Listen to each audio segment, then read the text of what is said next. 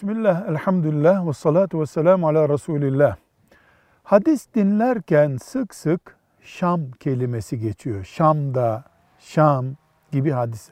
Ashab-ı kiram dönemi, Hulefai Raşidin döneminde de sık sık Şam geçiyor.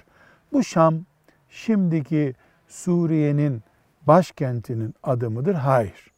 Şam şimdiki Suriye, Lübnan, Ürdün, Filistin ve Irak'ın bir bölümünün adıdır. Yani Şam hadis-i şeriflerde çok geçer, sahih hadis-i şeriflerde geçer. Belki 50'ye yakın hadis-i şerifte bölge adı olarak geçer.